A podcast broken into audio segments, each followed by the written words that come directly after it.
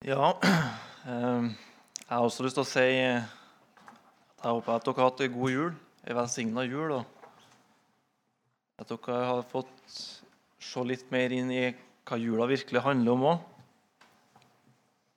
At Jesus kom til jord for syndere, til frelse for syndere.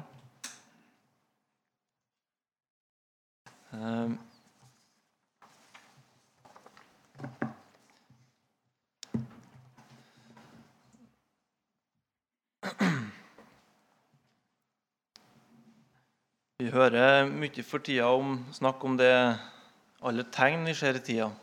Det er mange troende som ser tegna i tida, og, og taler om det at eh,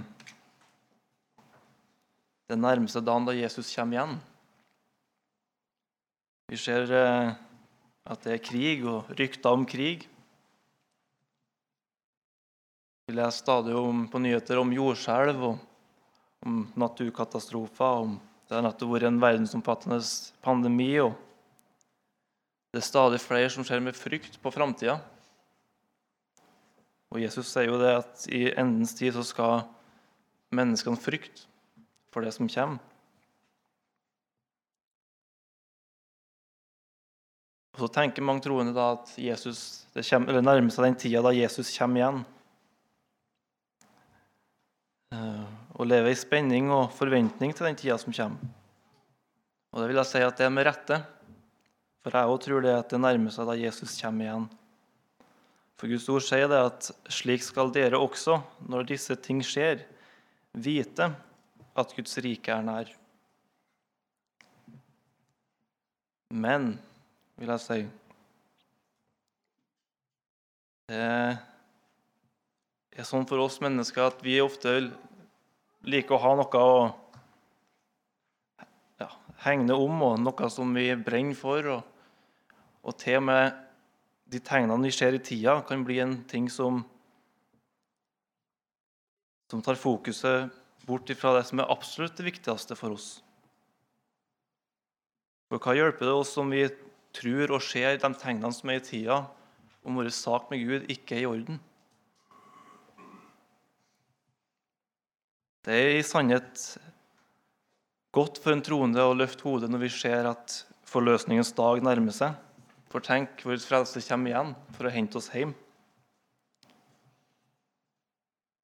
Den dagen vi ser han som han er, så skal vi bli ham lik, står det. Da er vi syndfri. Da skal vi være fullkommen hellige og ren i oss sjøl. For Kristi skyld. Her i tida så er vi fullkomne ren, den troende er fullkommen ren i Kristus. Men da er det ikke noe synd igjen i vårt hjerte den dagen han henter oss hjem til seg. Da er det ikke et ondt kjød vi bærer med oss lenger, men da skal vi være, bli han lik, fordi vi skal se han som han er. Men så taler Guds ord også om et skille. Og Det er et skille som går midt gjennom den troendes forsamling. Og vi er en stor flokk her i dag. Og så er det store alvoret at hver eneste en av oss som sitter her i dag, vi, vi er på vandring mot himmelen, imot evigheten. Eller så er vi på vandring mot fortapelsen.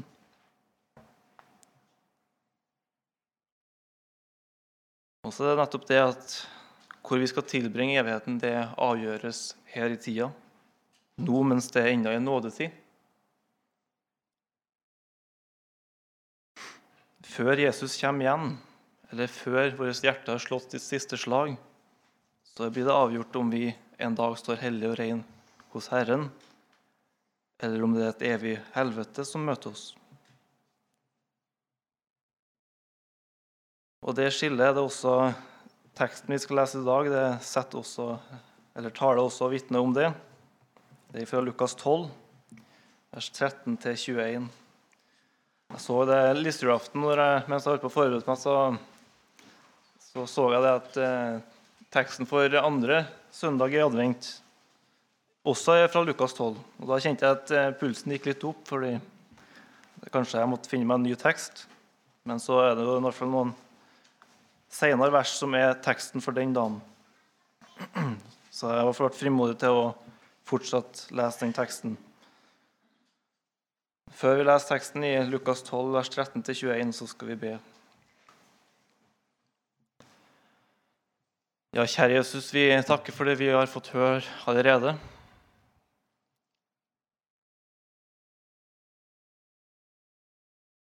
Og Vi har allerede bedt om at du må komme til med din Hellige Ånd, Herre. Men vi ber igjen. Vi er fullstendig avhengig av at du åpenbarer ordet for oss. Uten at vi får se inn i hva ditt ord sier, og ja, hva ditt ord taler til oss, så blir det ikke til liv. Det blir ikke til omvendelse, det blir ikke til tro, Herre. Men vi ber om at du kommer til med din Hellige Ånd, Herre, og åpenbare ordet for våre hjerter. At du bereder hjertejorda i vårt hjerte, Herre. Sånn at ditt ord kan få land i god jord. Så ber om at mine ord ikke må fordunkle eller stå i veien for ditt ord, men at vi måtte få kunne sitte igjen med ditt ord, Herre, og få se dypere inn i det. Det ber vi om for ditt navns skyld. Amen. Vi skal lese teksten i Lukas 12, vers 13-21. Dere må bare si ifra hvis eh, lyden er lav eller jeg må snakke høyere. Jeg har fått tilbakemeldinger på det tidligere at det kan være litt utydelig eller, eller at det er for stilt. og det, Dere må være frimodige og si ifra om det. For det hjelper ikke om dere sitter og ser hva jeg sier. For vi er avhengig av at de hører det de hører ordet. Det er det som eneste som kan skape trua i vårt hjerte, at vi får høre og at Herren åpenbarer. Vi leser i Lukas 12, fra vers 13 og til og med 21. En i mengden sa til ham, 'Mester, si til min bror at han skal skifte arven med meg.' Men han sa til ham, 'Menneske, hvem har satt meg til å dømme eller skifte mellom dere? Han sa til dem, Se til at dere tar dere i vare for havesyke. For ingen har sitt liv av sin eiendom, selv om han har overflod. Han fortalte dem så en lignelse og sa, En rik mann fikk stor avling av jorden sin.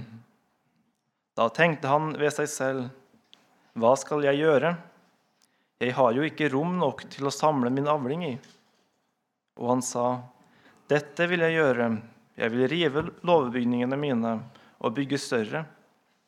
Der vil jeg samle hele min avling og mitt gods. Så vil jeg si til min sjel, Sjel, du har mye godt liggende for mange år. Slå deg til ro, et, drikk og vær glad.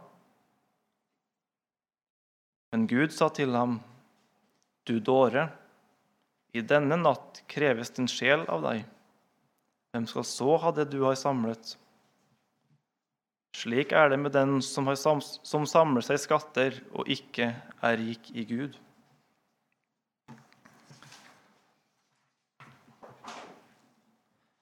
Jeg vil aller Først vil jeg si litt om sammenhengen teksten står i. For uh, hvem er det egentlig Jesus taler til her? Det er så lett å tenke at her må det være tale til de pengekjære og ubotferdige og grådige mennesker. Eller kanskje de skriftlærde og fariserene. For i kapittel 11 så står det jo at i de to, tre siste versene Ved dere lovkyndige, for dere har tatt kunnskapens nøkkel. Selv har dere ikke gått inn, og den som var i ferd med det, i ferd med å gå inn, har dere hindret. Da han var kommet ut derfra, begynte de skriftlærde og fariseerne å trenge hardt inn på ham og spørre ham ut om mange ting, for de lurte på ham for å fange ham i noe av det han sa. Er det dem han taler til? Ja, jeg tror han gjør det òg. Men vi skal lese det første verset i kapittel 12 der. Imens hadde folket samlet seg i tusenvis så de holdt på å trå hverandre ned. Da begynte Jesus å tale, først og fremst til sine disipler. Ta dere i vare for fariseernes surdeig, som er hykleri. Jo, det er sant. Herren taler, Jesus taler til de ubotferdige og til de grådige og pengekjære og de som sliter med havesyke. Det gjør han. Men det sto her at han taler først og fremst til sine disipler. Ordet er først og fremst til deg som hører i dag, til den troende. Og Det skal du tenke hver gang du hører Guds ord. Hver gang du leser Guds ord, så er det først og fremst til deg. Vi skal ikke adressere det bort til de andre, fordi det angår oss. Det er oss det gjelder. Oss som sitter og hører. Og som vi leser, ta deg i vare for hykleriet. Hvis du er som meg, så ligger hykleriet skremmende nært. Det er så ofte om å gjøre at de andre anser oss for å være noe, for å være en god og sann kristen. Men det har i sannhet samme rota som menneskefrykten. Det, men så er det store alvoret at om alle i salen her hadde gitt meg vitnesbyrd om at jeg var en troende og en god kristen, så hjalp det meg ikke noe om mitt hjerte ikke var rett for Herren. Om jeg ikke er rik i Gud, som teksten sier. Nei, da sto det da var jeg fortapt, og det sto bare et evig helvete tilbake til meg. For meg. Og Sånn er det for deg òg. Om alle bibelskolelærerne, om Per hadde gitt deg vitnesbyrd om at du er en troende, det hadde ikke hjulpet deg på veien. Det hadde ikke hjulpet deg hjem. For Det eneste som betyr noe, det er om Herren gir deg vitnesbyrd om du faktisk eier trua på Han, om du faktisk er rik i Gud. Du skal ikke frykte for hva mennesket, for anser deg for. Og Det leser vi også tidligere i kapittelet her, at eh, i vers 5 er det vel at Jesus sier det at 'Jeg skal vise dere hvem dere skal frykte'. Frykt for ham som har makt til å slå i hjel og til deretter å kaste i helvete. Ja, sier jeg dere, ham skal dere frykte.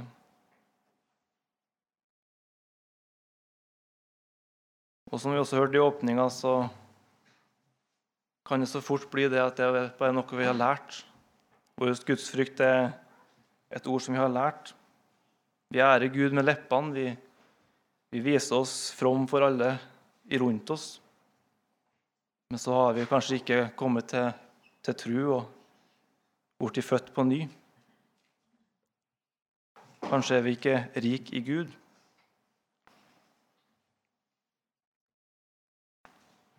Det er den ene sida ved sammenhengen jeg har lyst til å trekke fram. Og så er ei side til.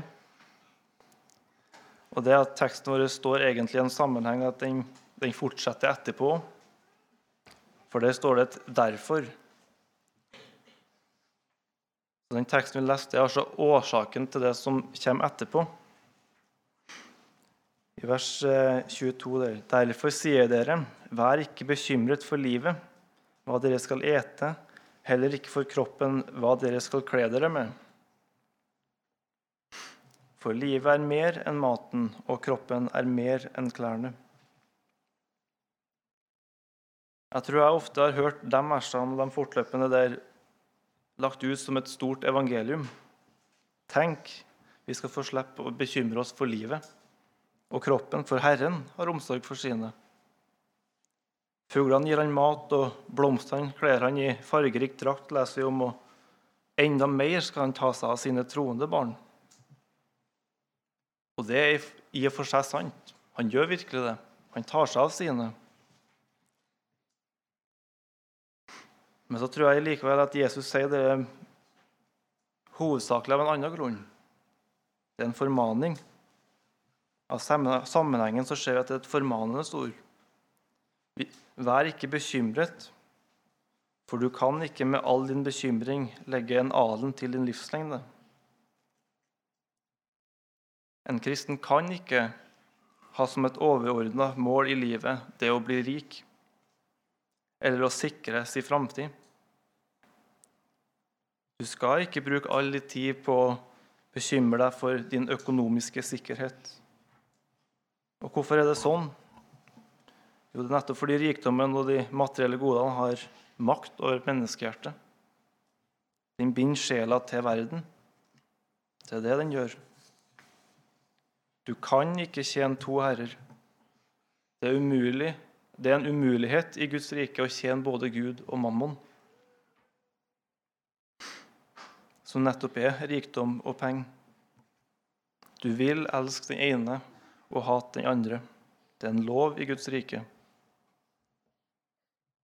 Og Det skal vi heller ikke være i tvil om at sjelefienden Satan han bruker det med utstrakt arm her i Norge i dag for å hindre sjelene i å vinne fram til himmelen. Om han bare kunne få oss til å bekymre oss for denne verdens mange ting, så vi glemte vår sjels verdi og hva som faktisk tjener til vårt vel. Og nettopp det er det teksten vår omhandler. Vi må ta oss i vare for havesyken, trangen etter å ha mer, bedre og finere. Havesyke er det motsatte av å være tilfreds. Nei, om vi i stedet kunne si med salmisten Når jeg bare har deg, Gud, begjærer jeg ikke noe på jorden. Det er det viktigste, at vi er i Han, at vi er rik i Herren, rik i Gud.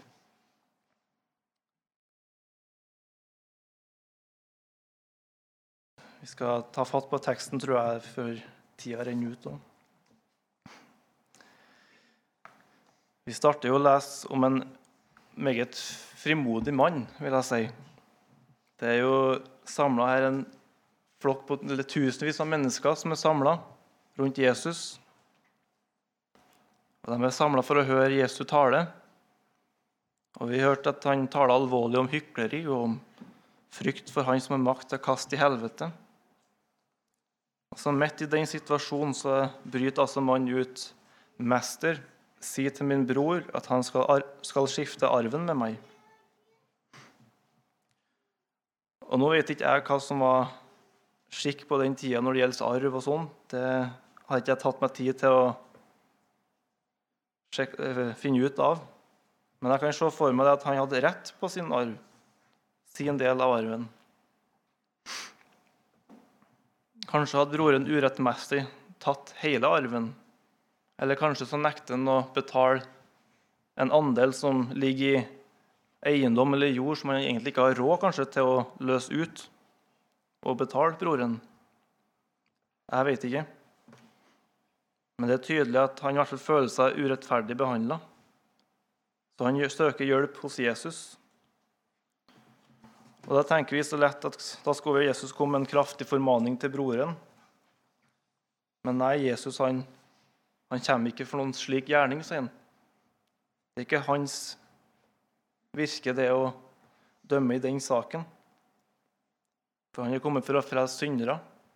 Det var det han kom for. Han kom for å forkynne omvendelse og syndenes forlatelse.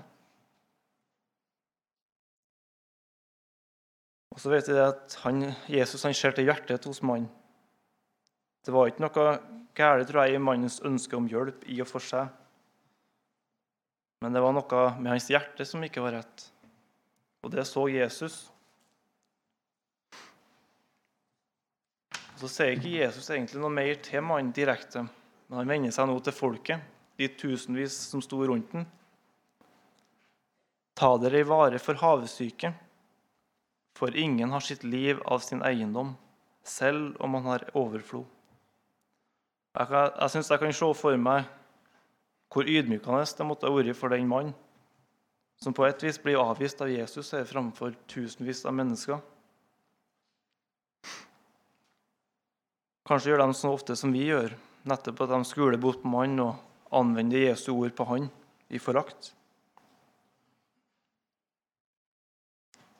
Hvorfor gjør Jesus det?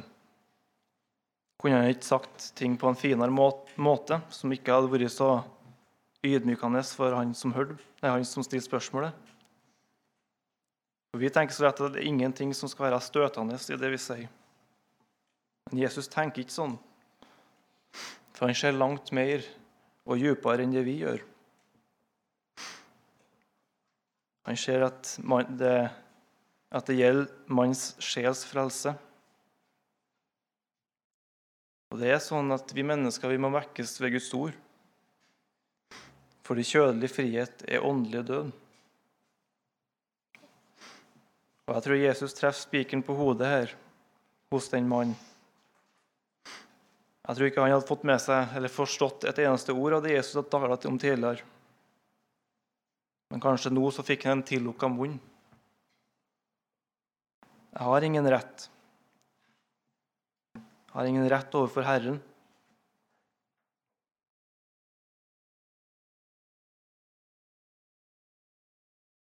Det gjelder ditt forhold til Han som har makt til å kaste i helvete, og din sak er ikke i orden.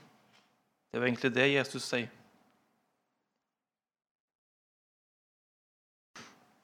Og Det samme ser vi når den unge, rike mannen òg i en annen fortelling kommer til Jesus for å spørre om hva han skal gjøre for å arve evig liv.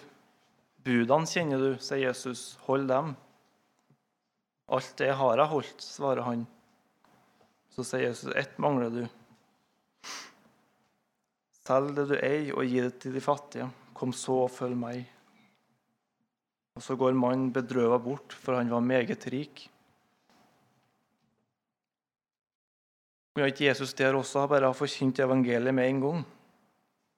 Så kanskje han ikke hadde gått bedrøva bort.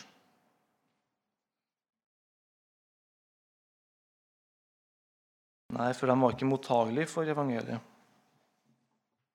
Loven dommer alltid, og den skal det, for at vi skal stå skyldig for Gud og få bruk for syndenes forlatelse.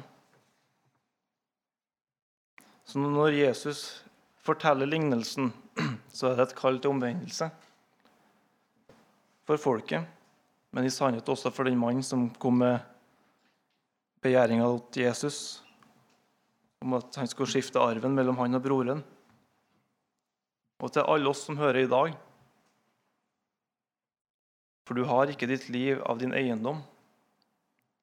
Det er Herren som holder ditt liv opp. Når Han trekker sin hånd tilbake, så opphører ditt liv. Om du er rik og har overflod, eller om du er fattig.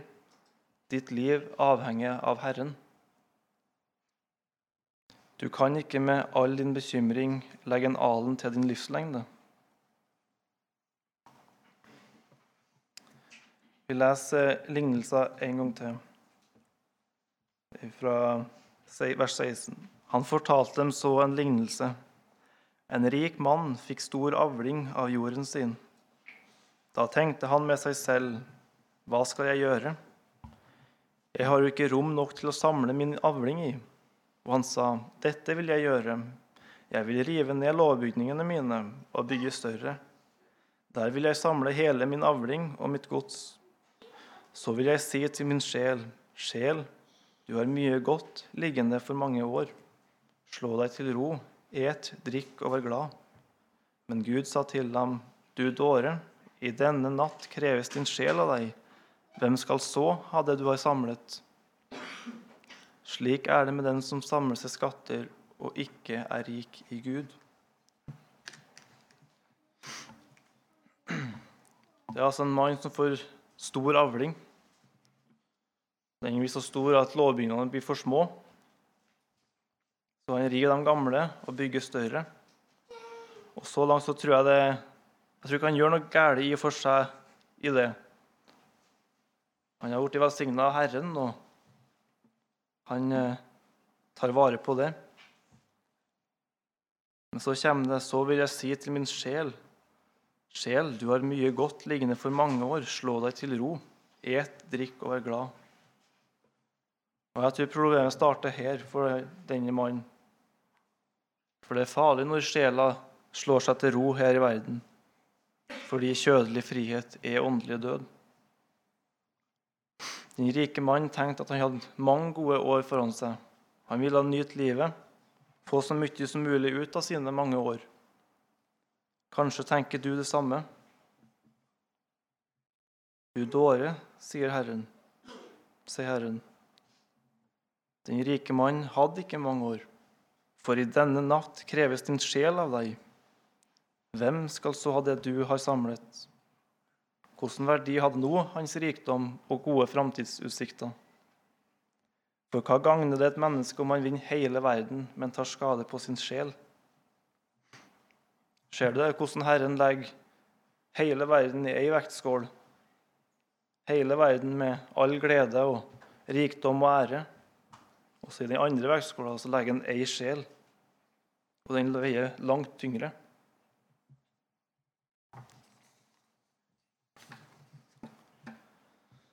Hvordan går man dog og drømmer i en sådan viktig sak, og i sikkerhet forsømmer nådens dyrebare dag? Det er tid å sanse vel og å sørge for din sjel. Nå er tid før Jesus kommer, før hans strenge vredes dommer.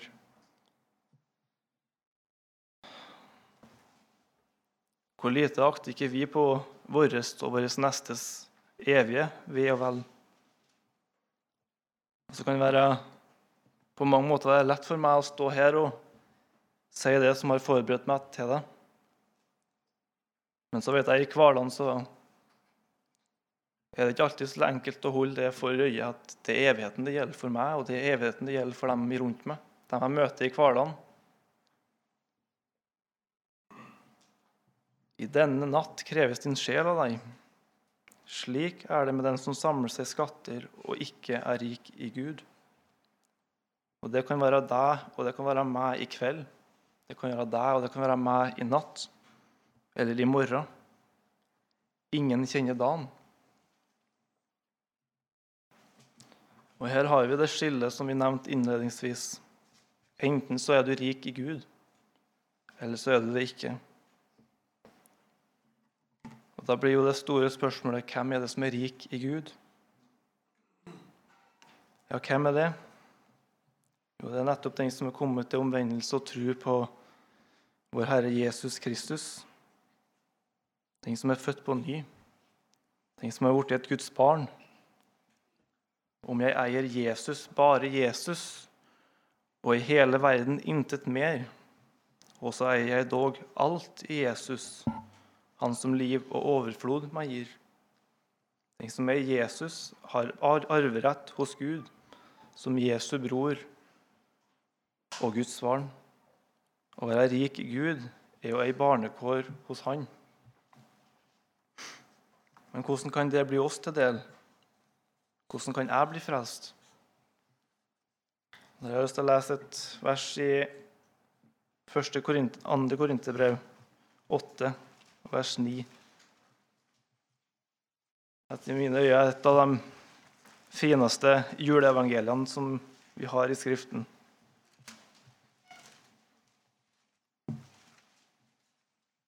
Andre Korinterbrev 8, vers 9. For dere kjenner vår Herre Jesu Kristi nåde, at han for deres skyld ble fattig da han var rik, for at dere ved hans fattigdom skulle bli rike.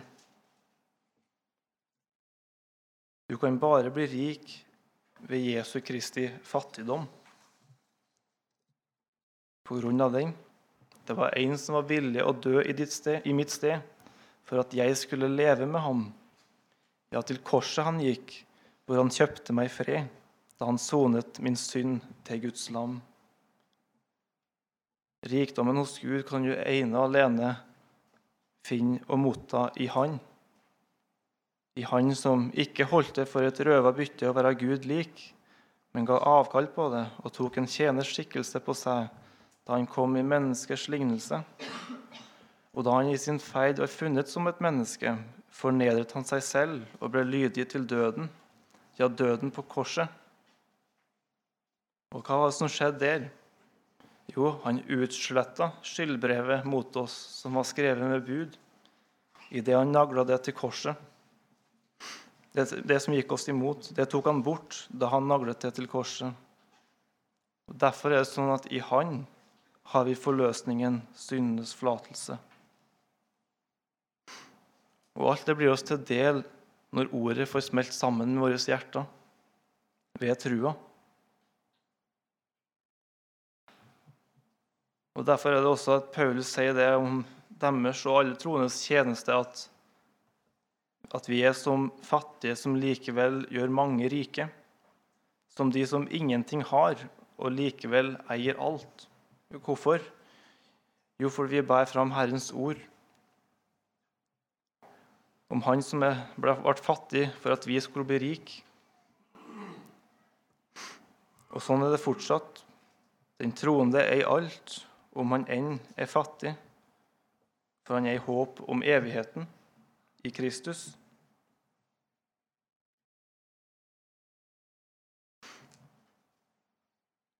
Men så er det sånn Hva er det som er den levendegjørende tro? Den tro som ordet virker ved Ånden i vårt hjerte. Luther sier det at det er en kristen skriver som siterer, siterer han i boka 'Sjeleskatt'. Det sier Luther det er mange blant oss som holder det for rett og sant som de leser i Skriften. De mener at det er tro. En drøm og en innbilning som de gjør seg i sitt hjerte, kaller de tro. Om det skriver Kristian skriver igjen at slik er det mange som går på veien til helvete, som tror at de vil komme til himmelen. Ja, det er også et alvor. Nei, et menneske kan ikke med all sin vilje og sin beslutning skape eller tenne trua i sitt hjerte. For trua den kommer alene ved å høre Guds ord. Hør, så skal din sjel leve, ved at Den hellige ånd får åpenbar ordet for deg, så at mennesket får se, så du får se inn i evangeliet. Og Kristian skriver, skriver det også om trua i troen eier vi syndenes forlatelse, barnerett hos Gud, fred i samvittigheten og håp om himmelen. I troen eier jeg framfor alt Kristus. Troen er ingen tro, men bare en skygge og en drøm dersom den ikke henger fast ved Kristus. Dette at, at, dette at troen griper Kristus, gjør troen til tro. Og Han sier også det at troens innerste vesen er tilliten til Gud i Kristus Jesus. Å være rik i Gud, altså, det er nettopp det å eie Kristus. Å eie alt i Kristus for hans dyre blods skyld, som rant for deg. En soning for alle dine synder. Så står det altså til Gud som gir miskunn. For det er Herren som frelser et menneske ved sitt ord.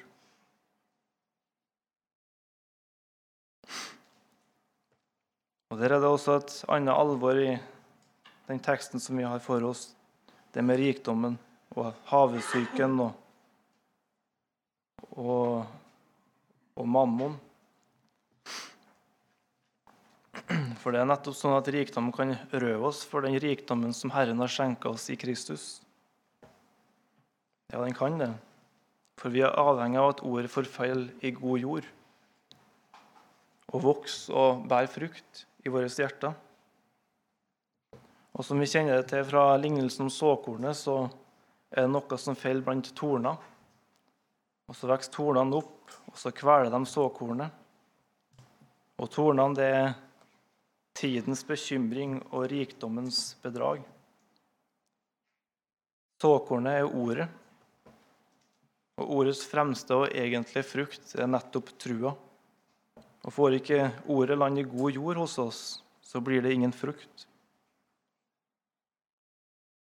Rikdommen den er bedragersk. Den ser vakker ut. Den er tiltalende for oss. Men den står ofte i dødens tjeneste. Salomo sier det også i årsbrukkene det at Strev ikke for å bli rik. Avstå fra egen visdom.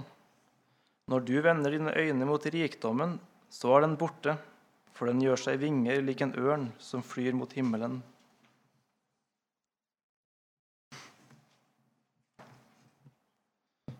Du også kjenner vel til hvordan rikdom og velstand kan lokke og dra. Det hadde vært fint med litt mer lønn, hadde ikke det? I hvert fall kan jeg ofte tenke sånn og kan lett bli opptatt av eh, hvordan jeg kan få det litt bedre her i verden. Jeg er mer opptatt av det kanskje ofte enn om hvordan jeg har det med Herren.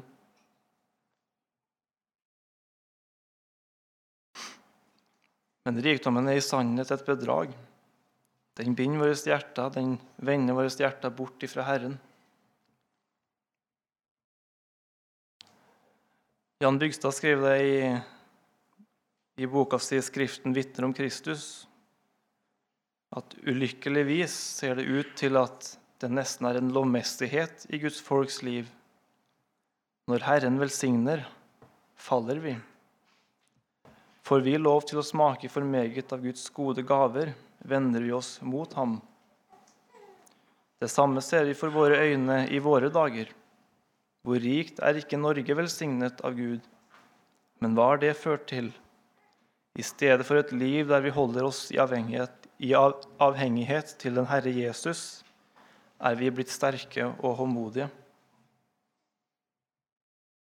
Jeg tror det preger oss alle mer enn vi er villige og i stand til å erkjenne. Guds ord sier at det er vanskelig, ja umulig, for en rik å komme inn i himlenes rike, men at alt er mulig for Gud.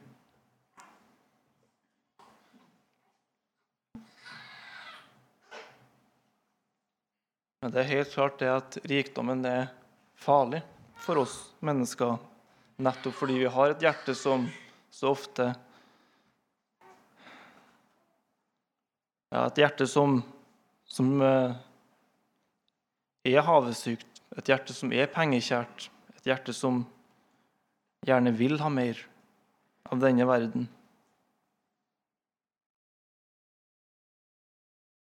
Helt til slutt så skal vi lese versene i 1. Timoteus 6, 6-10.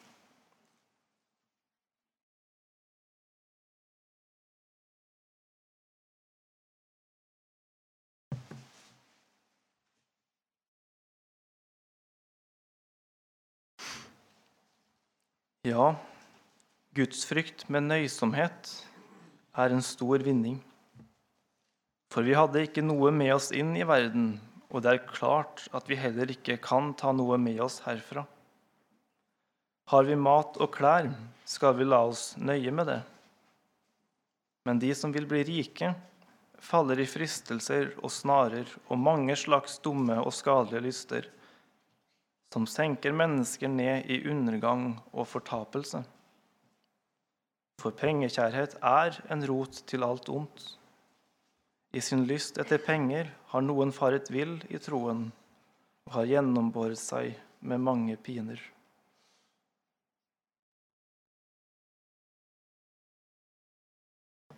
Ja, Jesus, du, du kjenner mitt hjerte. Du kjenner hver enkelt sitt hjerte, Herre.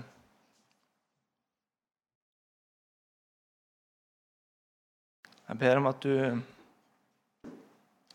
at du omvender mitt hjerte og omvender oss alle, Herre, at vi kan få Jeg kjenner det at vi så ofte trakter etter denne verdens lykke, Herre. Så ber vi om at eh, vi alle som er her, må få stå rik i deg. Jeg ber Herre om at du skaper trua i alle våre hjerter. At vi må få eie deg, Herre. Takk for at ditt blod er en soning for all verdens synd. Takk for at du vil åpne veien til himmelen for oss. At vi har et virkelig håp om at vi en dag skal få nå hjem i kraft av ditt blod. Så ber vi at du bevarer oss, Herre. Hold oss nær til ditt ord og skap hungeren i vårt hjerte til å lytte og lese ditt ord, sånn at vi kan bli bevart og, om vi ikke ennå har tro, at vi kunne få tro, Herre. Og takk for at den som hungrer og tørster etter rettferdighet, han skal mettes, Herre. Jeg ber om at du velsigner leiren videre, Herre, og at ditt ord må få rom hos oss og virke i våre hjerter. Amen.